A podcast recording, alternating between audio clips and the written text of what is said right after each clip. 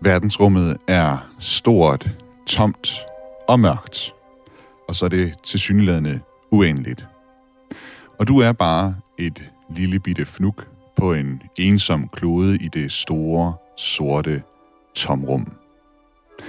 Gør det dig bange at tænke over? Så lider du måske af astrofobi, altså frygten for verdensrummet.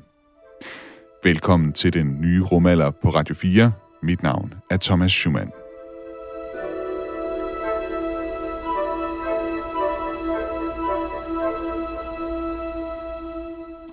Som altid, så kan du her på den nye rumalder sms ind, hvis du sidder derude og skulle have et øh, indspark eller et spørgsmål.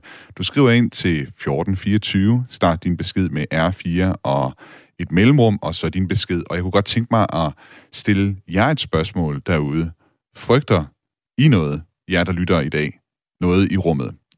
Og hvis du frygter rummet, så øh, prøv at fortælle mig på sms'en, hvorfor det er, at du frygter rummet. Rummet er som sagt stort, mørkt, uhåndgribeligt og uforudsigeligt. Og så er det farligt, ikke mindst hvis det er, at du begiver dig ud i det, uden den rette rumdragt på. Så jeg forstår til dels godt, hvorfor nogen frygter rummet. Og så alligevel ikke helt, fordi når jeg selv kigger op på stjernerne, så oplever jeg ikke selv en følelse af frygt. Måske ærefrygt. Det er måske det tætteste, der kommer på det. Men ellers sådan egentlig en fascination, øh, ja, nærmest en, en transcendent, lidt en religiøs følelse, kan jeg nogle gange have af at kigge op på stjernerne.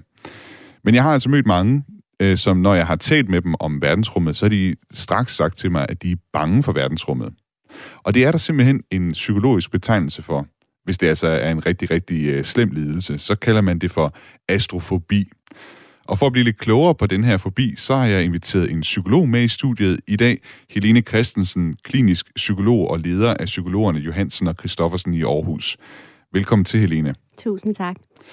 Og uh, Helene Christensen, til at starte med, hvordan vil du forklare, at der er nogle mennesker, der simpelthen er bange for rummet? Det er jo ikke ligefrem, hvad skal man sige, noget, ligesom en æderkop, man kan støde ind i derhjemme, som man kan være bange for. Det er noget, som vi ikke på den måde er i kontakt med hver dag. Hvorfor er det overhovedet nogle mennesker, der er bange for det? Men det, det, der er lidt skørt ved menneskekroppen, det er, at mennesker generelt, vi kan være bange for hvad som helst. Der er jo folk, der er bange for, for klovne og for knapper og for bobleplast. Det kunne være hvad som helst. Men der er rigtig mange mennesker, der ikke bryder sig om, om rummet, i hvert fald ikke er fascineret af det på samme måde, som, som du og mange af jeres lyttere nok er.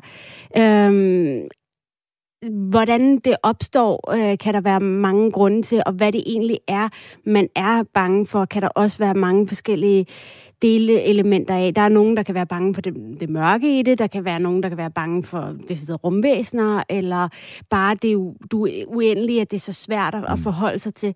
Øhm, jeg har selv lidt øh, snært af det, ikke sådan, at det, det generer mig i min hverdag mm. overhovedet. Jeg kan sagtens kigge op på en stjernehimmel, men hvis Elon Musk tilbød mig en, en tur som rumturist, så skulle jeg lige tænke over det et øjeblik. Okay. Jeg ved, at jeg skulle sige ja, for man skal ikke sige nej til så mange store ting her i livet. Men for eksempel øh, turen til Mars og aldrig vende hjem igen, no way. Okay. Det, det vil jeg aldrig nogensinde sige ja til. Det lyder frygteligt for mig. Det, det, som jeg hører som oftest fra folk, det er nok mest af det her med det uendelige. Mm-hmm. Altså, det, det er svært at overskue på en yeah. eller anden måde. Og det er også sådan et koncept, som vi også på andre måder ligesom skal have forholde os til som, som mennesker, kan man sige. Også sådan noget som, som døden, for eksempel. Mm-hmm. Ikke? Mhm. Altså, hvor, yeah. hvor uendeligt er det og sådan noget. Ikke? Øh, men så i forhold til rummet, at det er uendeligt. Mm-hmm. Hvorfor er det noget, som sådan psykologisk går ind og påvirker os? Mm, det, det er svært at sige helt præcist. Øh, som jeg også fortalte dig lige inden vi gik i gang her, så ligger der jo ikke forskning specifikt på, på astrofobi. Øhm, så det, jeg må trække på, er mine kliniske erfaringer, og det vi generelt ved om fobier. Og når jeg har stødt på det i klinikken, er det for eksempel i forbindelse med dødsangst. Øhm, at det også skulle forholde sig til det uendelige i universet, er, er virkelig svært for hjernen at kapere. Øhm, vi ser det også nogle gange i forbindelse med OCD, hvor man kan få sådan en... Øh, en tvangstanke om, hvad er egentlig virkelig sådan en Truman Show-agtig, øhm, hvor det, det er svært mm. at forholde sig til, hvad, hvad her på jorden, og hvad er det, det, det abstrakte i det, det uendelige i det. Øhm, og, og nogle gange bliver jeg nødt til at sige til mine klienter, det sker også nogle gange, når jeg har filosofistuderende, øh, som også ligesom bliver tabt i det der kaninhul af, hvad, hvad er rigtigt, og hvor slutter det, og hvor starter det, og hvordan hænger det hele sammen, de der rigtig store spørgsmål. Og nogle gange må jeg sige, det skal vi bare ikke tænke så meget over. Okay. Det skal vi bare prøve at Er lade det være dit med. øh, psykologiske øh, råd til alle derude, der sidder og lider af, af frygt for rummet? Det er, lad være med at tænke for meget over det. Ja, i virkeligheden er det i, i en vis grad, fordi hvad skal vi bruge det til? Mm. For, selvfølgelig skal vi forholde os til det, men hvis det begynder at blive et problem for vores hverdag, og vi ikke kan fungere mm. i vores hverdag, hvis jeg har en, en klient, der er så øhm, invalideret af, af dødsangst, øh, at de ikke kan fungere på deres studie, så bliver vi nødt til lige at tage en pause og sige, okay, det er ikke lige i dag, jeg forholder mig til universets uendelighed. I dag forholder jeg mig til, at jeg skal i bad, og jeg skal have noget morgenmad, og helt konkret hernede på jorden. Og så må jeg forholde mig til en anden dag, hvad virkelig og hvad ikke virkelig. Det er som om, vi mennesker vi er lidt bedre til at forholde os til de der helt øh, praktiske ting, nære ting på den måde. Og så når vi bliver konfronteret med stjernerne og det store tomme verdensrum, så er det, det begynder, kæden kan hoppe af nogle gange for os. Ja, selvom vi jo ikke altså forstår det 100%, vi ved ikke noget 100% med sikkerhed i forhold til det her, så evolutionært giver det jo mening. Altså hvis vi jo har samme hjerne og krop, som da vi var hulemænd, og vi skulle forholde os til de måske 500 meter, vi bevægede os væk fra vores hule, og det var vores univers, at det giver mening, at vores hjerne bare simpelthen ikke er programmeret til at kunne forholde sig til noget, der er så stort og så voldsomt. Hvad med sådan noget som, det er sådan en anden ting ved, ved rummet, der er jo også øh, en masse forestillinger om, vi har om, hvad der er derude, mm-hmm. rumvæsener, for Mhm. eksempel, er, er sådan en ting, ikke? Og det er jo noget, vi ser meget i uh, science fiction film. En af mine uh, yndlings science fiction film, det er filmen Alien, mm-hmm. som uh, nok har det mest uhyggelige uh, rummonster overhovedet. Er det også sådan noget, altså film og serier og sådan noget, og de her forestillinger, vi har, er det også noget, der kan være med til at skabe en anden form for fobi, en astrofobi? Øh, ja, det kan det helt sikkert. Øhm, måske især hos, hos børn, øhm, som måske kan have svært ved at skille, hvad er virkelig og hvad er ikke virkelig her. I, klinikken er det ikke rumvæsenens frygt, jeg, jeg støder mest på. Mm. Det er lidt mere det abstrakte i det. Øhm, men selv det kan jo være også enormt irrationelt, at man ikke kan se en science fiction film, eller ikke kan forholde sig til Star Wars bare, fordi at det, er, det provokerer den der frygt for, for det uendelige, eller for det, Okay. det abstrakte, eller det svære Er man bliver ligesom det. konfronteret med det i, Mhm. mm-hmm. i sådan en film, der, og så kan det blive svært at være i det. Jeg har endda set tilfælde i klinikken, hvor at man ikke engang hen over aftensmaden kan snakke om rummet, fordi Okay. det er for angstprovokerende. Det kan simpelthen være en showstopper i, i samtaler mellem folk. Det kan, det kan det i nogle tilfælde. Okay. Altså det, jeg ser i klinikken, det er jo, når det begynder at blive et problem for Mhm. mm. folks øh, hverdagsliv. Der er masser af mennesker, inklusive mig selv, der lever et helt almindeligt liv derude, Mhm. mm. og som bare mm, måske ikke vil til Mars, men ellers kunne leve et helt almindeligt liv. Men for nogen, så bliver det her så indgribende, at det begynder at, at påvirke deres hverdag. Det er ikke sådan, at vi får direkte henvendelser på specifikt astrofobi, men så kan det være i forbindelse med netop en dødsangst, eller OCD, eller en, en, en fly, skræk for, fly, øh, for flyve, at der måske også er et element af noget med rummet i forhold til Mm. det. Ikke? Og hvad i, i de tilfælde, de patienter, du taler om her, ikke? Altså det, det er så patienter, siger du, som de er nået til et stadie i deres liv, hvor de, de kan simpelthen ikke abstrahere fra det. Det er Mhm. noget, der sådan påvirker dem hver dag, selv i samtaler. Mm-hmm. Er det noget, som, som påvirker, hvis, det bliver, hvis rummet bliver nævnt der, ikke? Mhm. Hvad stiller man op? Jamen, det kommer meget an på, hvad det konkrete problem er, og det er jo forskelligt fra klient til klient. Selv hvis du har en sådan lidt mere en konkret forbi, øh, som er nemmere at forholde sig til, som en, en angst for at flyve, for eksempel. Ikke? En angst for at flyve, der kan det jo både være angsten for at være lukket inde i et rum, hvor du ikke kan komme ud. Det kan være den almindelige angsten for, at flyet falder ned, og man, man dør. Der kan være mange øh, elementer i det, som, som kan være angstprovokerende. Så, så vi bliver nødt til første omgang at finde ud af, hvad det præcis, der provokerer min angst, og så forholde os til den del. Ikke?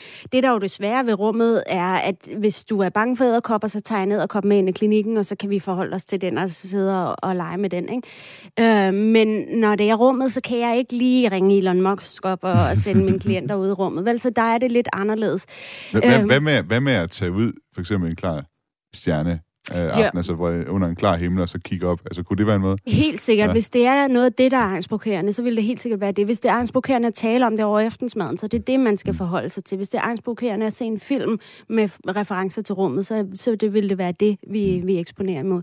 Heldigvis, hvis man går og er bange for at pludselig blive sendt ud i rummet i en øh, rumraket, det er jo heldigvis ikke noget, der sådan lige sker det daglige, så det behøver vi heller ikke rigtig at forholde os til i klinikken. Vel? Men de situationer, hvor du, du støder på det alligevel, for nogle af mine klienter med nogle fobier, det er ikke så tit med, med astrofobi, men hvis man er bange for hunde eller katte, og meget, meget bange for det, så kan det selv være ens Facebook-feed, hvis der popper en video op okay. af nogle hunde, at det kan være enormt angstprovokerende. Og så kan det være noget med, at måske følger vi visse konti på Facebook, der, der provokerer reducere vores angst, eller i hvert fald øh, ændre den måde, vi scroller på, så vi ikke scroller helt vildt hurtigt forbi, hvis der er en eller anden reference til noget. Okay, ja. Og nu var du selv lidt inde på det, det her med, hvis du sådan, hvis nu uh, Elon Musk kan komme og tilbyde dig en billet til mm-hmm. at mhm. tage til Mars, så vil du nok ikke uh, uh, sige ja til det sådan uh, uh, lige umiddelbart.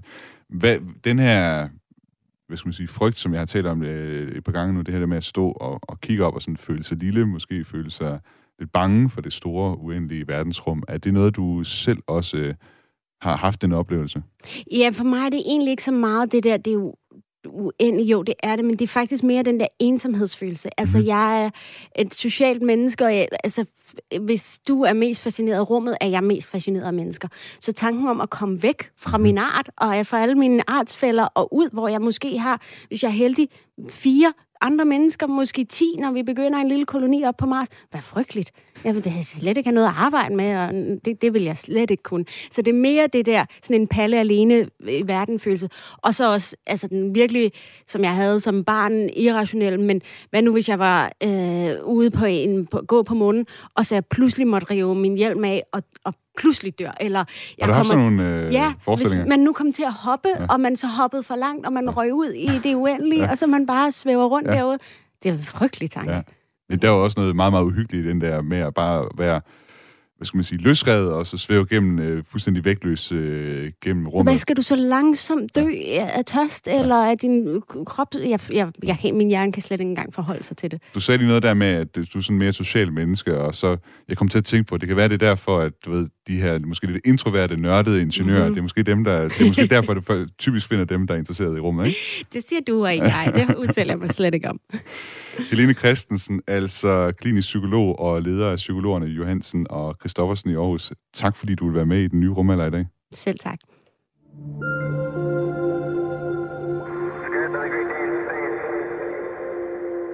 Du lytter til den nye rumalder på Radio 4. Mit navn er Thomas Schumann, og øh, imens jeg talte her med Helene Christensen, så har I været flittige til at sende sms'er ind til mig. Og øh, jeg vil gerne lige læse øh, to op. Der er en, der skriver her øh, i anførselstegn, rummet er sort og tomt. Jeg tror, det er en henvisning til min øh, intro her i programmet i dag. Og så skriver vedkommende, rummet er ikke tomt. Baby, det må du aldrig sige igen. Øhm, og så slutter beskeden der. Jeg må indrømme, øh, jeg, ved ikke, jeg ved ikke, det her baby, hvad det går ud på. Jeg kan sige til alle, der sidder derude og som overvejer at skrive en sms ind, øh, I må meget gerne underskrive, øh, bare med et fornavn, øh, og måske også, hvor det er i landet, I øh, hører hjemme. Det giver altid øh, lidt mere til sms'en, øh, når det er, I skriver ind. Der er også øh, en her, der skriver ind, der underskriver sig selv som Ronny. Hej med jer. Er rummet virkelig uendeligt? Vil man på et tidspunkt støde på en sløjfe, og man ryger retur, lidt som en rundkørsel? Og Ronny, der tror jeg, det er simpelthen et øh, spørgsmål, som stadig er åbent blandt øh, astrofysikerne, øh, efter min øh, bedste viden. Så er det altså et spørgsmål, som man endnu ikke øh, sådan rigtig kan svare på. Og hvis du sidder derude og skulle have lyst til at sms ind, så kan du altså gøre det ved at skrive ind på 1424 øh, start beskeden med R4, et mellemrum, og så din besked. Og som sagt, hvis du sidder derude og har en eller anden form for frygt for rummet, så kunne jeg godt tænke mig at vide, hvorfor du har det, eller hvad det er for, om du kan sætte nogle ord på, hvad det er for en frygt, du har. Eller hvis du måske ligesom mig har sådan mere en, en fascination eller en overvældende følelse af det, så må du også gerne skrive det ind til mig og begrunde, hvorfor det er, du har det sådan. Og som sagt, mennesker kan altså simpelthen lide af en frygt for verdensrummet. Det er noget af det, vi taler om i dagens udsendelse. Og det kan være så slemt, som Helene Christensen sagde her, at det simpelthen kan gå ud over deres hverdag. Jeg, selv har jeg aldrig haft det sådan der. Altså, når jeg kigger op på en stjernehimmel en, en klar nat, så kan jeg godt blive overvældet, men sådan egentlig mere på, hvad jeg selv vil sige, var en transcendent, måske nærmest åndelig måde. Sådan, du ved, lidt ligesom at være i kontakt med noget, der er større end en selv. Og på den måde, så bevæger vi os lidt ned af et af en nærmest øh, religiøs tangent. Og derfor så har jeg inviteret dig med i dag, Hans Nørkær Frank. Du er sovnepræst i øh, Aarhus Domkirke. Velkommen til den nye rumalder. Mange tak skal du have. Og øh, Hans, til at starte med, så kunne jeg godt tænke mig at vide, nu havde vi øh, hørt vi fra Helene Christensen her før, og jeg spurgte hende også, hvad hun gør øh, for, med mennesker, der kommer ind til hende, som lider, lider af frygt for verdensrummet. Hvad vil du som præst gøre, hvis der nu kom en person op til dig og sagde, at vedkommende havde angst for verdensrummet? Jeg tror at først og fremmest, så øh, når den slags henvendelser kommer til en præst, så skal jeg være ret god til at forsøge at afkode, øh, hvilken grad af frygt eller angst vi har med at gøre. Og hvis det er en græld udgave, så skal jeg øh, varme min mund og mine handlinger, øh, tænker jeg, og, og opfordrer til, at man søger det, man måske kunne kalde professionel hjælp. øh, jeg, jeg griner ikke, fordi, øh, fordi det, er, det, det er morsomt, men, men fordi øh, jeg dermed måske kalder mig selv uprofessionel øh, hjælp. Men, men det er egentlig bare for at sige, at der er jo en, en slags arbejdsfordeling mellem præster og psykologer. Det er, at hvis, det er, hvis vi når ind i en, en, en regulær psykologisk lidelse, øh, det er vi som præster ikke uddannet til. Jeg vil snart til at håndtere. Jeg vil snart sige, at vi øh, kan være et lyttende øre, når det er øh, mennesker, der forholder sig til noget, der er almene vilkår. Øh, og de kan gerne være meget svære og meget vanskelige. Mm. Men når du så stiller spørgsmålet konkret, sig hvad jeg vil gøre, hvis vi så ikke er i noget, der er galopperende angst for Hvis det nu er en religiøs krise, kan man sige. Det er jo ja. det, det du, ja. du står overfor, ikke? Jamen, så øh, vil jeg forsøge at tale med, øh, med vedkommende om, hvad det er, der kan skyldes, at man... Jeg tænker, at hvis man har en negativ følelse af at forholde sig til verdensrummet, eller kigge op på en stjernehimmel, så er det fordi, man tænker det som noget uhjemligt, tror jeg. Eller det giver en en følelse af enten meningsløshed, eller netop at være fortabt i et stort, tomt rum. Øh, så vil jeg forsøge at tale med dem om, øh, om man om det er muligt at kaste et andet blik på det. Mm-hmm. Altså kaste et blik på verdensrummet som det, der på trods af, at vi jo kan konstatere, at hvis man bevæger sig uden for atmosfæren, så er det et forholdsvis livsfjendtligt område. Man skal være inde i et rumdragter eller i kapsler eller andre ting for at kunne overleve. Men så alligevel forsøge at stille det spørgsmål, eller få plantet den tanke, at sige, jamen det er dog vores øh, hjem mm-hmm. på en eller anden måde. Altså okay. det er den øh, fysiske, kosmiske virkelighed, som på næsten mirakuløs vis øh, der er opstået en lille vanddråbe af en jordklode, der øh, er vanvittige tilfældigheder, men på en fantastisk, virkelig meningsfuld måde jo, øh, har givet mulighed for, at der kan eksistere liv, og endda liv i, øh, man kan sige, både i, øh, i, i så lang årrække og i en udstrækning. Så der udvikler sig det her mærkelige væsen, der hedder et menneske, der kan rent faktisk stille sig selv spørgsmål som, hvad er meningen med livet? Hvorfor er vi her overhovedet? Øh, og kan, og der kan i det væsen vækkes sådan nogle følelser som ja, angst for øh, forskellige ting. Så man kan sige, måske den følelse, mange kan have, det er det her med, at det er fremmed over for os, og det er, det er mystisk, eller det er uvirkeligt, men, men det du siger et eller andet sted, det er, at man skal prøve at finde den der forbindelse, man har til det, altså forbindelsen via, at man, man føler det som sit hjem i virkeligheden. Jeg, t- jeg tænker i hvert fald, at øh, fordi jeg, øh, jeg kan fuldt ud forstå, øh, hvad kan man sige, øh, den der sådan det er jo vel grundlæggende en usikkerhedsfølelse, som vel er bundet op på, at en stor del af verdensrummet er så anderledes end jorden. Mm. Simpelthen på grund af livsvilkårene er anderledes. Og det er vel også det, som mange sådan, uh, sci-fi gyser har spillet på. Ikke? Det der med det, det, det, vi ikke ved noget om, eller hvis der er væsener, der er langt mere øh, voldelige, end, end vi egentlig kan forestille os at være. Og sådan mm. noget. Men, øh, men alligevel forsøg at få øh, kastet et blik ind på at det er rigtigt, at vi er hvad kan man sige, øh, givet nogle voldsomme fysiske love i vold øh, med øh, planeter og meteorer og tyngdekræfter og hvad der nu end kan være. Men at det trods alt jo også er det, der har givet os muligheden for at eksistere. Altså det vil sige, at det faktisk giver livsmuligheder, selvom det tyder på, at det er forholdsvis få øh, små dråber rundt omkring i det store verdens alt, mm. hvor der er man kan sige, det, vi vil kalde biologisk liv. Ikke? Det hele er jo natur, men det konkrete biologiske liv findes meget få steder, ikke? Jeg synes jo, det det, som der er ved sådan et, et religiøst verdenssyn, og det er ikke fordi, jeg sådan har været særlig religiøs i, i, i mit liv øh, generelt, men det religiøse verdenssyn, det forener jo, kan man sige, det hele. Der er i hvert fald en eller anden form for fortælling i det, ikke? Og en del af den fortælling, det er den her opfattelse af, at Gud er noget, der hører til op i himlen. Altså nærmest op blandt stjernerne i virkeligheden. Ja. Hvor, altså, hvorfor tror du, det er sådan, at, at, at, og det ser man også i andre religioner, ikke? at der er sådan en, en form for guddommelighed over det, der er oppe i himlen, ikke? Mm. Og samtidig vel også en form for, stadig i den religiøse fortælling, øh, en frygt også der, øh, for det, der kommer oppefra. Altså, hvis vi ja. tager øh, sådan en historie fra øh, Mosebogen, ikke? Øh, plærerne, der, der, der hvis man sige, overgik øh, Ægypten, ikke? Altså ildregn øh, fra, fra himlen øh, ja. blandt de syv plærer. Hvor, hvorfor tror du, der er det, det her forhold også i, i religionen til, øh, dels det, altså, ja, det guddommelige i, i himlene. Mm. Jeg tror først og fremmest, så er det sådan en meget jordnær erfaring, mennesket kan have. Altså i virkeligheden lidt på linje med øh, noget af det, som vi mennesker ikke kan, det er at flyve. men vi kan længes helt enormt efter at flyve alligevel. Det er jo derfor, vi har bygget flyvemaskiner, rumraketter og alt muligt andet. Ikke? Øh, så det er noget, vi ikke kan. Men mennesket har den her underlige evne til alligevel at kunne forholde sig til noget, som det er løsrevet fra. Så jeg tror sådan meget erfaringsmæssigt, det har været sådan en konstatering af, at mennesket øh, igennem tusinder af år har kunne stå med sine fødder plantet på landjorden, og så har det kunne kigge op på noget, som øh, det har kunne se, og dermed har kunne forholde sig til, men som bare, det bare må konstatere, at det er enten så uendeligt langt væk, eller så uendeligt anderledes, end, øh, end det, man står med lige rundt omkring sig. Mm. Øhm, så, så jeg tænker sådan en, ja, sådan en jordnær erfaring, øh, også de første civilisationer, de første mennesker har, har gjort sig sådan en det, det vil kalde en bjergtagelse af at være under sådan et, et himmelvælv, mm. øh, der virker så uendeligt stort og så uendeligt fjernt.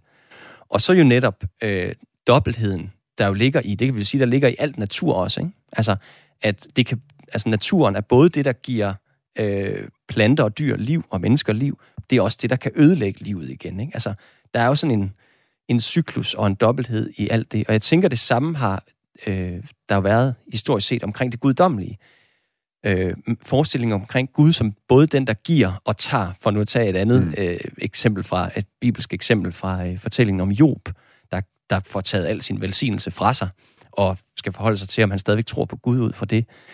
Men jo simpelthen, ja, netop bare, at øh, altså, går jo langt tilbage, ikke? At, at Gud både kan være den, der bringer netop velsignelse eller liv, men også den, der tager liv. Mm. Øhm. Jeg synes også, der, der er også en... Nu var det inde på det her med, at mennesket Altså, vi har ikke sådan den iboende evne til at flyve. Vi har så trods alt øh, ved hjælp af teknologiens øh, kraft øh, skabt evnen til at kunne flyve, og også kunne flyve i rummet. Ikke? Og på den måde har vi også udfordret, kan man sige, nogle af de her religiøse opfattelser, der har været omkring øh, den verden, vi bor i. Hvordan navigerer du det? Altså, hvad skal man sige, det som, det som verdensrummet, det siger om kosmos og, øh, og den, den verden, vi lever i, og så den, den religiøse øh, opfattelse, hvordan de to ting øh, hænger sammen så også i en verden, hvor det er, at videnskaben hele tiden udvikler sig.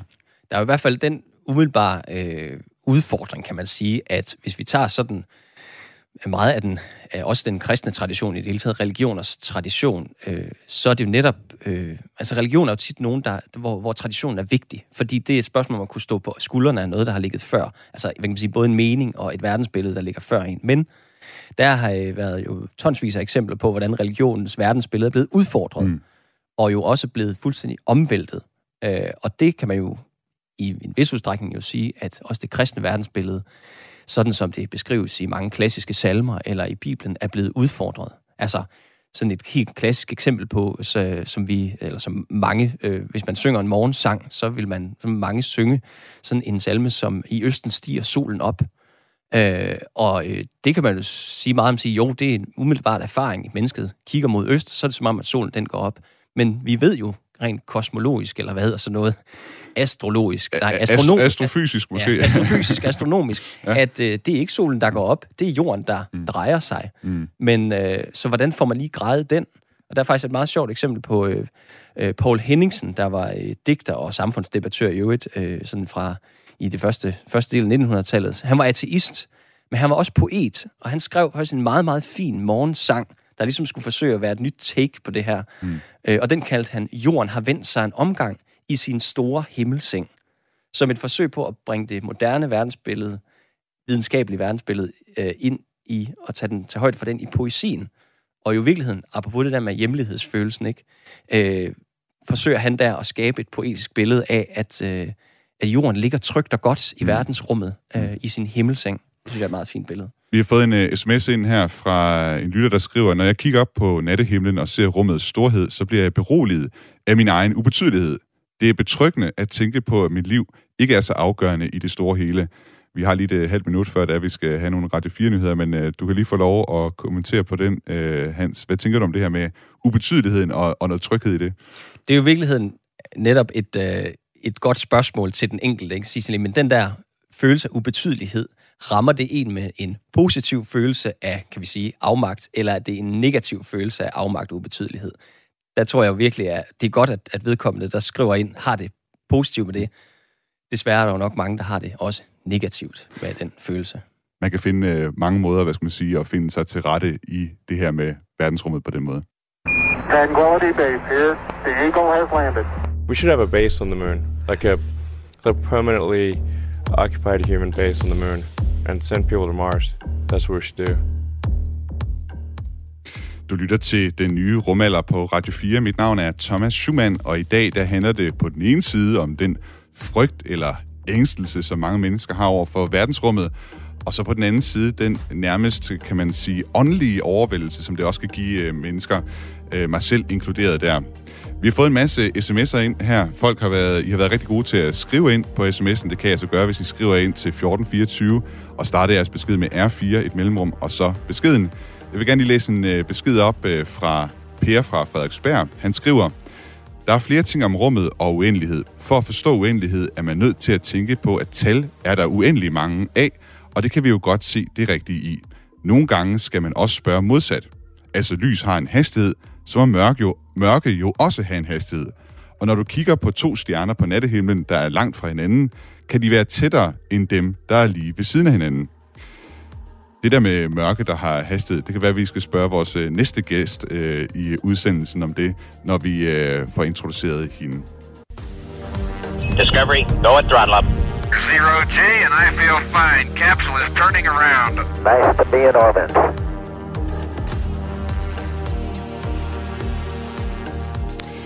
Ja, indtil videre, så har vi altså hørt øh, fra psykolog Helene Christensen, altså, og hendes, øh, hvordan hun øh, beskrev den her frygt for rummet, astrofobi. Og så har jeg talt med Hans Nørkær Frank, øh, der er sovnepræst her i øh, Aarhus, om øh, også den religiøse del af både frygt og sådan øh, overvældelse, man kan have i forhold til øh, rummet.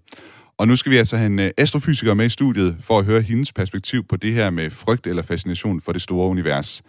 Tina Ibsen, velkommen til den nye rumalder. Tak for det, Thomas. Og lige til at starte med, jo, jeg skal selvfølgelig lige have præsenteret dig, Tina. Du er, udover at være astrofysiker, så har du også været på podcasten Rumsnak, og du har udgivet to bøger om astronomi og rumfart. Øh, den bog, der hedder Nordlys fra sidste år, og så fortællingen om, øh, en bog, der hedder Fortællingen om universet fra 2019. Nu havde vi lige en øh, lytter, der skrev ind her, at øh, mørke ligesom øh, lyset har en hastighed, så kan mørket også have en hastighed. Jeg tænkte, det, det skulle du næsten lige øh, som astrofysiker have, have lov at, at svare på. Kan man tale om øh, hastighed for mørke? Nej, altså mørket er jo lidt det samme, som man kan sige ingenting. Ikke? Mørket er fraværet af lys. Mm. Øhm, så, så derfor tror jeg ikke, man kan tale om mørket som sådan en, en ja, håndgribelig ting, ligesom vi kan med, med lys øh, på samme måde. Så, så, så mørket, der har en hastighed, den tror jeg lige er, er lidt søgt. og Tina, vi taler jo i dag om sådan øh, den her frygt, som, som mange mennesker oplever øh, i forbindelse med verdensrum. I hvert fald mange af de mennesker, jeg taler med. Jeg tror også mange af dem, som du taler med, øh, når du er ude og holde foredrag, blandt andet. Hvad vil du sige til en person, som kommer op til dig og siger, at øh, vedkommende er bange for rummet? Åh oh ja, jeg har jo svært at forstå det, fordi at, øh, nu er det jo hele min verden, så heldigvis har jeg jo ikke den frygt. Øh, men, øh, men jeg, jeg tror, jeg vil spørge ind til det og høre, hvad, hvad det er for nogle aspekter. Fordi jeg kan møde folk, der, der kan være bange for det her med, at vi bliver ramt af en asteroide, eller hvis der har Ekstrabladet har haft den seneste overskrift med et sort hul, der er tæt på, så, så er man bange for, for de her katastrofale hændelser i det. Øh, hvor der, der tror jeg ofte, det kan være en, øh, et problem, at vi som astrofysikere har vores eget sprog og vores egne ord for, hvornår for eksempel ting er tæt på og langt væk. Så, så når man hører astrofysikere, der siger, nu er det den her asteroide, der kommer tæt på, så i sådan hverdagssprog, så tæt på, det, det er sådan katastrofalt tæt på, så kunne man godt blive sådan lidt, hmm, skal vi være nervøse for det? Men, men når vi snakker tæt på, så er det jo ofte millioner af kilometer væk. Øhm, så, så derfor så tror jeg at nogle gange, der kan være noget, altså en eller anden form for kommunikationsslip i øh, den måde, der bliver fortalt om astronomiske begivenheder og hændelser på, Øhm, fordi vi simpelthen ikke, altså vi bruger de her hverdagsord, men, men på, i en helt anden kontekst, end det vi er vant til mm. normalt. Så jeg tror, jeg vil spørge ind til det, mm. og så høre, hvor ligger den her frygt? Jeg, jeg har fået en sms her fra Tone i Midtjylland, som skriver, at hun har set en video, der omhandler en teori om vores universets udvikling og endeligt. Hun skriver, at den omhandler, at alle stjerner brænder ud, og selv de sorte huller, der bliver tilbage, de svinder på et tidspunkt ind, og der kommer til at være totalt mørke, og bare intet tilbage. Det synes jeg lyder helt mm. forfærdeligt, siger Tone. Øh, hvad, ja. hvad vil du sige til sådan en som Tone? Det kan jeg godt forstå, det synes jeg også. øh, men, men igen, der har vi det her perspektiv, hvornår kommer det her til at ske? Altså, øh, vi, vi snakker om 50 eller 100 milliarder år ud i fremtiden, før, før sådan noget af det her kommer til at ske. Altså, vores egen sol brænder ud om 5 milliarder år. Øh, så, så, så, så jeg tror, det er det her tidsperspektiv, når man tænker på, at vi mennesker har eksisteret godt og vel i 250.000 år, øh, hvis man, man skal sådan gå helt tilbage. Øh, jorden har været her i 4,5 milliarder år, der er 5 milliarder år til solen er væk. Altså, så, så det er nogle tidsperspektiver, der er fuldstændig altså, ja, helt vilde at tænke på. Ikke? Så, så, så man siger, det er jo ikke engang dine børnebørn, eller dine børnebørns børnebørn, eller, altså, det, er det er jo et eller andet, som hvis, hvis vores kan man sige, art eksisterer på det tidspunkt, så vil vi jo nok ikke engang genkende det som mennesker, fordi vi har udviklet os til noget helt andet. Så, så jeg tror, det er den her, altså det er det her tidsperspektiv at tænke på, at, at vi ikke altid kommer til at være her, så det er måske sådan lidt en dødsfrygt, der ligger, eller øh, jeg, jeg ved det ikke, et eller andet sted, men jeg kan da godt forstå, altså jeg kunne da synes, det var dejligt, hvis det ikke så ud til at være, øh, kan man sige, universets endeligt, men, men det er jo desværre det, som, øh, som videnskaben fortæller os lige nu, at, øh, at vi, vi kommer til at have en eller anden udvidelse, og, øh, og ja, det bliver bare mere og mere kedeligt, vores univers, i forhold til, til hvordan det er i dag. Jeg har jo øh, stadig uh, Hans Nok her, Frank Sovnepræst i Aarhus uh, Domkirke, med i studiet her, og så snart, Tina, du nævnte begrebet dødsangst i den her forbindelse, så kigger jeg lige op på mig. Hans, du havde en kommentar? Jamen, du undskyld, jeg, jeg bryder ind, Tina, men jeg kommer bare til at tænke på, at altså, det for det første sådan helt, helt personligt, så kan jeg virkelig godt genkende den der sådan umiddelbare øh, ja, ubehaget ved, ved selve det, uanset næsten hvor, om hvor mange milliarder eller millioner år det hører op. Mm. Så det der med, altså selve det, at alting på et tidspunkt ligesom forsvinder igen. Altså, om det så, altså en ting er, at vi mennesker, øh, det har jeg det svært nok med at forholde mig til, at på et tidspunkt så er jeg væk herfra, og meget religiøs tankegang kan jo, kan jo gå på sådan noget med, jamen er der et evigt liv? Og, og øh, fordi mm. det, jeg tænker, det er, også sådan bare for mig selv, det er, at, at det der med, at alting på et eller andet tidspunkt, næsten lige, også selvom det er meget, meget langt ud i fremtiden, at det ligesom øh, hører op eller forsvinder igen. Det kan sådan give sådan en umiddelbar følelse af, jamen, hvad er meningen så med det hele? Altså, hvis der ingenting er, der er evigt, altså, der ligesom står fast og bliver ved med at være der, mm. så kan jeg godt sådan, øh, også fra mig selv genkende sådan en umiddelbar følelse af, ja, og meningsløshed er måske et stort ord, fordi man kan selvfølgelig finde mening i sin dagligdag og sådan ting, men, men det har sådan et perspektiv i det, tænker jeg i hvert fald rent sådan eksistentielt. Øh, Tine, det, jeg kunne godt tænke mig at høre, øh, hvordan, ja. hvordan du forholder dig til det, altså i den viden, øh, som du også har om, øh, hvordan det ser ud, med hvad skal man sige, den retning, universet har, at selv de sorte huller øh, holder op med at eksistere på et eller andet tidspunkt. Det er et stort, øh, tomt øh, ingenting på en eller anden måde, der ligesom, og universet bliver bare ved med at udvide sig og udvide sig og udvide sig. Ikke? Hvordan, hvordan forholder du dig til det? Jamen altså, netop man kan jo godt sige, hvad er meningen så egentlig med det hele, hvis vi ikke er her altid? Og jeg, jeg, jeg vil netop påstå, at vi kan finde en mening i det, vi ikke er her altid. Altså jeg vil synes, det var frygteligt, hvis vi havde et evigt liv. Prøv at tænke at skulle være her for altid. Uh, jeg, jeg tror, man bliver, altså, bliver sådan helt tosset af det. Uh, så det her med, at vi har en begrænset tid, og vi må få det bedste ud af det. Vi må være gode med folk omkring os. Øh, vi må altså, skabe os en mening i den her hverdag. Igen, så kommer vi jo lidt ned til, som jeg også allerede har talt om i programmet, de der hverdagsting, ikke? og det nære. Øh, og, og skabe sig en mening omkring det. Øh, fordi altså, jeg tror på, at vi mennesker har en udløbsdato. Mm. Øh, så altså, jeg er måske på den her jord, øh, hvis det går rigtig godt, så en 60-70 år endnu. Øh, og og så, så, så er min tid overstået. Der må jeg simpelthen bare få det bedste ud af det.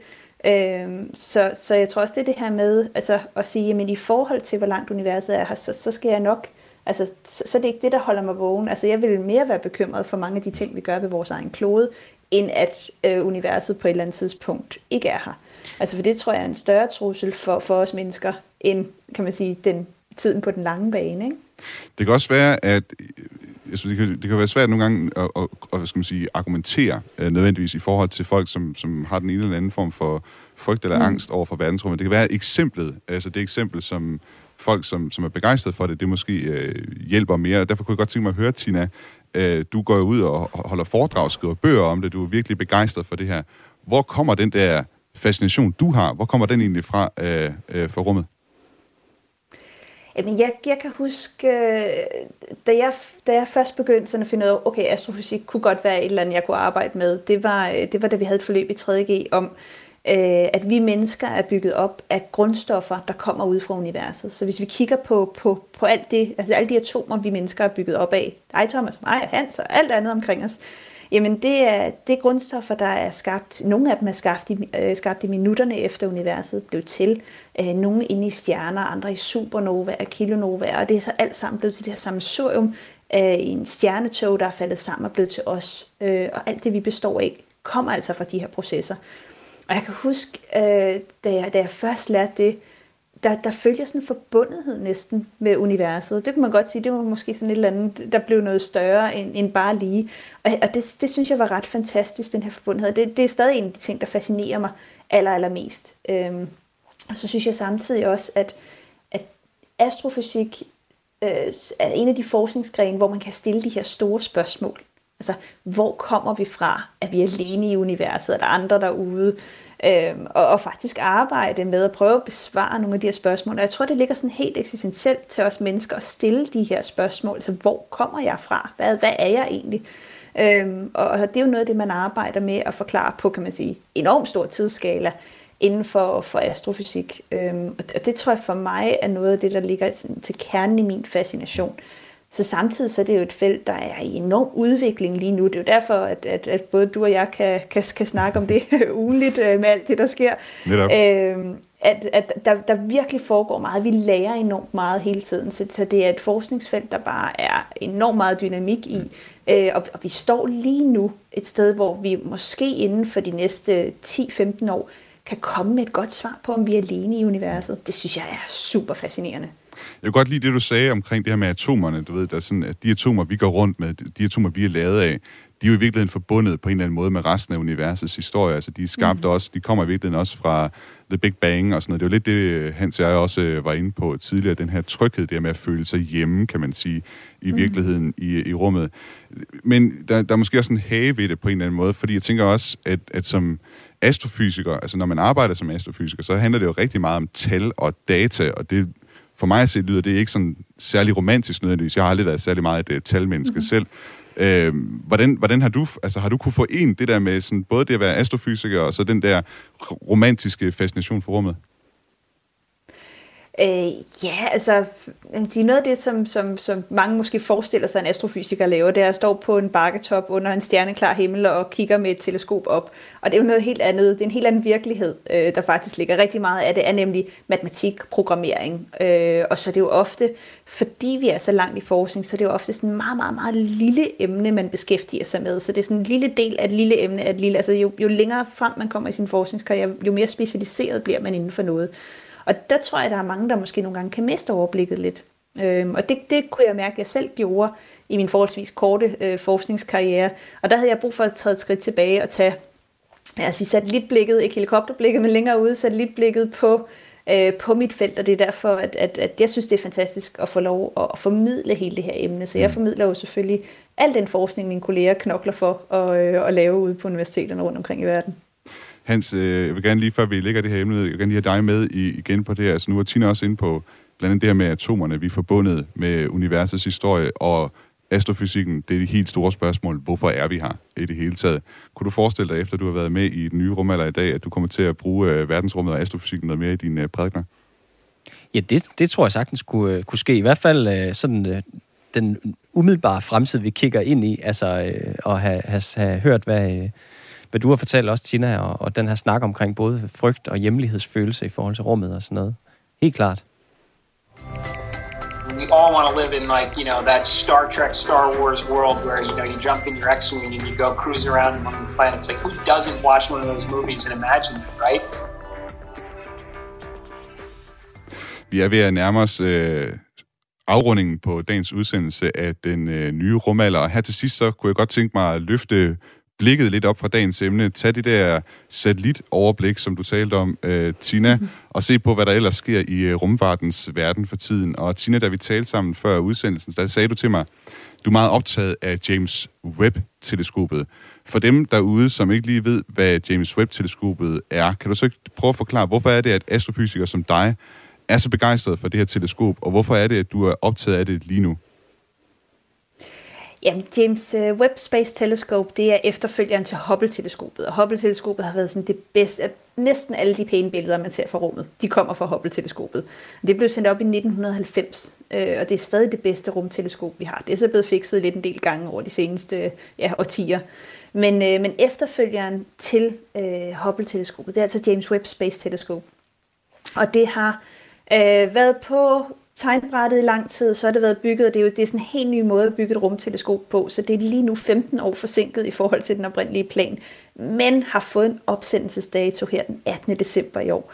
Øhm, og det, øh, det er super, super spændende, fordi at det er altid sådan, at når vi får et bedre og ofte så større teleskop, fordi jo større teleskop er, jo mere lys kan vi indsamle, jamen så får vi ny viden. Øh, vi får simpelthen viden om, øh, det, det vi håber på, at James Webb kan gøre, det er at for første gang kan den tage nogle direkte billeder af nogle af de her jordlignende eksoplaneter øh, som vi har fundet derude. Altså planeter, der kredser omkring andre stjerner end solen. Og det vil sige, at for første gang kan vi finde ud af, om de her planeter har en atmosfære, og der, om der måske er nogle af de her biomarkører, om der er tegn på liv andre steder i vores univers. Og samtidig så kan den kigge helt tilbage på nogle af de allerførste øh, galakser, nogle af de første stjerner, der var i vores univers, og simpelthen give os et bedre billede på, hvordan det helt tidlige univers så ud. Øhm, så, så der, hvor vi er strandet med meget forskning de seneste 10 år, simpelthen fordi vi ikke har haft det her store teleskop, jamen det bliver muligt fra forhåbentlig sommer næste år, når, øh, når, når man har lavet alle de her tests med James Webb Teleskop. Men altså, det er et dyrt projekt, det er meget forsinket, øh, og nu har det endelig fået den her opsendelsesdato, så, så der er mange, der har fulgt øh, dens rejse fra, fra USA, og så øh, som en båd, sådan meget lavpraktisk, ned til øh, ESA's, øh, den europæiske rumfartsorganisations øh, spaceport nede i franske Guyana, hvor den lige nu er ved at blive pakket ind i den her Ariane 5-raket, den skal sendes op med. Så der er rigtig, rigtig meget på spil. Det her er fremtiden, og den nyeste fremtid for astrofysik. Altså det er, det er virkelig flagskibsmissionen, som mange har gået og ventet på os. Og ja, det, det er, jeg kan, ikke, jeg kan ikke sige nok, hvor meget jeg glæder mig til at se de første data øh, og de første observationer fra, øh, fra James Webb. Og derfor, apropos øh, frygt også, så er der også rigtig mange, som jeg tror, der kommer til at sidde og have svedige håndflader, når det er, de skal se det her teleskop blive sendt, øh, sendt ud i rummet her en gang i december. Hans, øh, det kan jeg love dig for, det bliver ja. koldt sved, der, øh, der, der, kommer til der er på spil der. Ja. Ja. ja. Hans, øh, du, du var som barn fascineret øh, af det tekniske ved månlandingerne, øh, har vi talt om, før ja. du kom ind i studiet her. Sådan noget som webteleskopet her, sådan et teleskop, der kan vise os øh, eksoplaneter, om de rent faktisk har en atmosfære, hvor der kan hvad hedder det, opstå liv. Er det noget, der kan fascinere dig? Fuldstændigt. Altså, det er jo helt vanvittigt. Og i virkeligheden, så apropos det her med forbundethed, så tænker jeg, der er sådan en smuk øh, historie i med, at, øh, at øh, helt tilbage fra oldtidens astrologer, der kiggede op på stjernerne, forsøgte at udgrænske, hvad, hvad de betød og sådan noget. Øh, inklusiv øh, de vise mænd, der så en Bethlehem-stjerne, øh, der angiveligt viste dem hen til Jesusbarnet og sådan noget, og helt op til jamen til, øh, til apropos det, I snakkede om lige før, med dem, der kiggede i kikkerterne, mm. og så nu de her, det her øh, kæmpe nye teleskop. Øh, der er en eller anden, på en eller anden måde en forbundethed, fordi jeg tænker, at sådan drivkraften i det er det samme, altså menneskets ønske om at længsel efter at, at udgrunde, hvad er det for en plads, man har i universet. Og dernæst så er der så, som øh, jeg tænker, både videnskabsfolk sådan i almindelighed, men jeg tænker også for os teologer, så kommer der måske til at være en opgave i, hvis man så ser en planet, mm. hvor det ser ud som om, der er liv. Hvordan skal man så tolke det ind i et, øh, også et religiøst verdensbillede omkring, hvem, øh, altså hvis man siger det sådan helt jordnært, hvis man tror på en Gud, er Gud så også Gud for dem mm. derude, eller er der forskellige guder? Så kaster det en masse te- øh, teologiske spørgsmål op også, som jeg tænker, vi kan vi bliver nødt til at invitere dig med ind igen, hvis ja, det, det, det bliver nogle af de første ting, være, vi finder ja. ud af. Med. Ja. Vi bliver nødt til at finde ud af, om Jesus også har været derude, ikke? Og, og, og fortælle sit budskab, eller noget af den stil, ikke? Kort sagt kan man sige, at mennesket har længe prøvet at finde uh, svaret i stjernerne, kunne man måske sige lidt uh, ja. poetisk. Uh, Hans, uh, før du uh, kom ind, der spurgte jeg også dig, om der var et eller andet, som du uh, kunne tænke dig at tale om her til sidst uh, i udsendelsen. Og du havde et spørgsmål, faktisk. Ja. Som, uh, jeg ved, det kan være, at du vil prøve at stille det spørgsmål. Jeg tror, at Tina faktisk vil kunne svare på det her spørgsmål. Ja, det tænker jeg også. Så jeg vil overlade det til dig og prøve at stille Tina det her spørgsmål. Ja. Det, fordi det i virkeligheden, tænker jeg umiddelbart, et ret teknisk spørgsmål. Det er bare fordi, jeg har tænkt over, at, at når man skal navigere på... Øh, det kan godt være, at jeg er håbløst gammeldags i mit sådan halvvidenskabelige hoved, men i gamle dage tænker jeg, at man navigerede ved øh, nogle verdenshjørner i forhold til et kompas, og i forhold til nord er der, og, og øh, op og ned og sådan ting. Men hvordan i alverden laver man egentlig navigation i rummet? Altså jeg kan godt forstå, at man kan kigge ud på månen og sige, at vi skal derhen. Men hvordan laver man sådan noget som rumkort, når der ikke sådan er verdenshjørner på samme måde, som der er, eller vi har lavet her på jorden? Det er et rigtig godt spørgsmål, øh, og faktisk så, så, så bruger man lidt noget af det, som, som mange, øh, ja, man også brugte, når man sejlede. Altså vi bruger stjernerne. Så, så man bygger faktisk det, der hedder stjernekameraer. Øh, og der kan man, der, øh, når vi bare er inden for vores eget solsystem, som vi jo er, så rykker stjernerne sig ikke rigtigt i forhold til hinanden. Øh, og derfor kan man bygge stjernekameraer, så sige, at vi ved, at det her øh, stjernebillede står i den her retning, eller den her stjerne, der lyser sådan her, er i den her retning. Og så kan man navigere efter det. Og det er faktisk noget af det, de er rigtig dygtige til at bygge på DTU Space her i Danmark. Så det er nogle af verdens bedste stjernekameraer, som, øh, som vi laver her i Danmark. Simpelthen, øh, vi er med til at lave de her såkaldte øh, navigationskort øh, her i Danmark også. Øh, det er rigtigt, det er, det er faktisk ret øh, vildt. Øh, NASA rigtig mange af deres øh, missioner, det er, det de her stjernekameraer simpelthen øh, fra Danmark. Det synes jeg også er ret vildt. Det kan vi jo sådan helt umiddelbart mm. nationalt chauvinistisk godt lide, at øh, der er noget øh, godt, ja. der udgår fra Danmark. Så bliver man jo lidt stolt, ikke? ja, lige præcis. Så der, ja. Jeg har, jeg har en øh, anden nyhed, som jeg har taget med, som øh, jeg synes, vi også lige skal prøve at vende her. Og det handler om øh, det måneprogram, som NASA har gang i, det såkaldte Artemis-program. Øh, her i tirsdags, der gav NASA's administrator Bill Nelson en opdatering på, hvordan det går med NASA's planer om at sende mennesker tilbage til månen igen. Det er jo sådan, at Donald Trump, da han sad og var præsident, der havde sagt, at NASA igen i 2024 skulle lande mennesker på månen. Og øh, det har Bill Nelson så sagt i den her opdatering, det kan, kommer ikke til at ske i 2024. Det øh, kan tidligst ske i 2025. Og så sagde han i øvrigt, og det synes jeg var ret øh, interessant, han sagde, en del af årsagen til, at øh, man ikke kan nå det her, det er, at øh, Jeff Bezos, altså grundlæggeren af Amazon og manden bag rumfartvirksomheden Blue Origin, det, han sagsøgte NASA, da de valgte SpaceX alene til at bygge et månelandingsfartøj. Og det her søgsmål, som Jeff Bezos han øh, rejste mod, øh, mod NASA, de siger Bill Nelson så, at det øh, var altså det, som forsinkede dem og gjorde, at de nu må udskyde det til 2025. Og NASA's administrator, Bill Nelson, han konkluderede altså, øh, ja, som sagt, at man, man udskyder det til tidligst i 2025. Tina, jeg ved, jeg ved ikke, hvor meget du har fulgt med i, i, i mm-hmm. sådan de her beskyldninger, der fyrer frem og tilbage øh, mellem NASA og Blue Origin her, eller den, den her snak, den her polemik, om man vil, ikke? Hvad vil du sige, er det virkelig mm. alene Blue Origins øh, skyld, at månelandingen den øh, blev forsinket? ah, må ikke der også ligger noget andet. Altså hele den der boots on the moon by 2024. Mm. Altså det, det, jeg tror, at der er mange, der har tænkt, ah, skulle I ikke lige til start med at lave den her raket, hvor I kan sende noget op med? Ikke? Altså de har jo hele deres Space Launch System og øh, den her Orion rumkapsel, som de jo stadig ikke rigtig har fløjet med endnu. Så, så altså, der er lang vej, før de når til månen, og det var allerede super ambitiøst, da de sagde 2024 for to-tre år siden. Altså, og, og vi har stadig noget vej endnu. Så lad os nu se, om det også bliver 2025. Det, jeg vil ikke sætte mine penge på det i hvert fald. Hans, øh, du markerer. Jamen, jeg tænker, det er sådan et meget godt uh, billede på, at uh, uanset hvor, uh, hvor stort et teleskop, eller stort et, uh, og hvor smukt og, og, og pioneragtigt en, en tanke man har, så uh, går der også tit sådan lidt uh, almindelig menneskelig smålighedsfnider i det. Uh, det er sådan et meget godt billede på, at uh, sådan, ja, mennesket er altid spændt ud imellem de to poler, ikke? Altså både uh, vores storhed og vores smålighed på en eller anden måde. Det... Jeg skal ikke blande mig, jeg ved ikke noget til, til sagen og sådan noget. Det er bare meget godt. Jamen, det... det er meget typisk for, for menneskeheden. Og, øh... jeg, jeg synes, det er meget godt ramt i virkeligheden, sådan den diskussion, der nogle gange kører også ind på rumfart, øh, Twitter, og sådan de folk, der er meget begejstrede for SpaceX i den ene lejr, Elon Musk, ikke? og så de angreb, for eksempel, de laver på sådan en som Jeff Bezos, det kan, kan godt gå hen og blive meget, meget småligt nogle gange. I har altid været klan væsener, mm. ikke? på den ene eller den anden måde. Lige helt kort, øh, Hans, nu, nu planen med Artemis-programmet, det er jo, at, at der skal være en bemandet base på månen, og samtidig så skal det altså også bane vejen for Mars. Øh, bare sådan kort, hvilke religiøse overvejelser mener du, det skulle, det skulle have, når det er, at vi engang sender mennesker ud for sådan permanent at slå sig ned i rummet? Jamen, det har jo altid, altså den del af religion, der altid også har handlet omkring menneskets plads i verden, og hvad der, apropos det du også sagde, Tina, med at sige, hvis, hvis vi ikke tænker, altså hvis vi dropper den der tanke om evighed et øjeblik, jamen så er der, har altid været i religionen tanken om, hvad skal vi, hvordan skal vi gøre det rigtige, og hvordan skal vi opføre os ordentligt. Og det vil der altid være, når vi vinder nyt land, og slår os ned nye steder, også ligesom der er på vores gamle jordklode. Øh, det bliver en slåskamp om, hvad er det for nogle ideologier, der skal styre det? Hvordan gør vi det på en måde, så vi ikke ødelægger det nye land, vi, øh, vi sætter vores fødder på? i virkeligheden sådan en helt klassisk skabelsesberetningsopgave, mennesket, der bliver stillet i at herske over alle dyrene og, og, og, og kosmos i virkeligheden. Det er en stor opgave. Den har vi altid haft, og den skal vi også have, hvis vi ryger til, videre til månen eller til Mars eller helt, helt andre steder. Det er, det er en opgave, vi ikke kan løbe fra og forvalte det ansvar.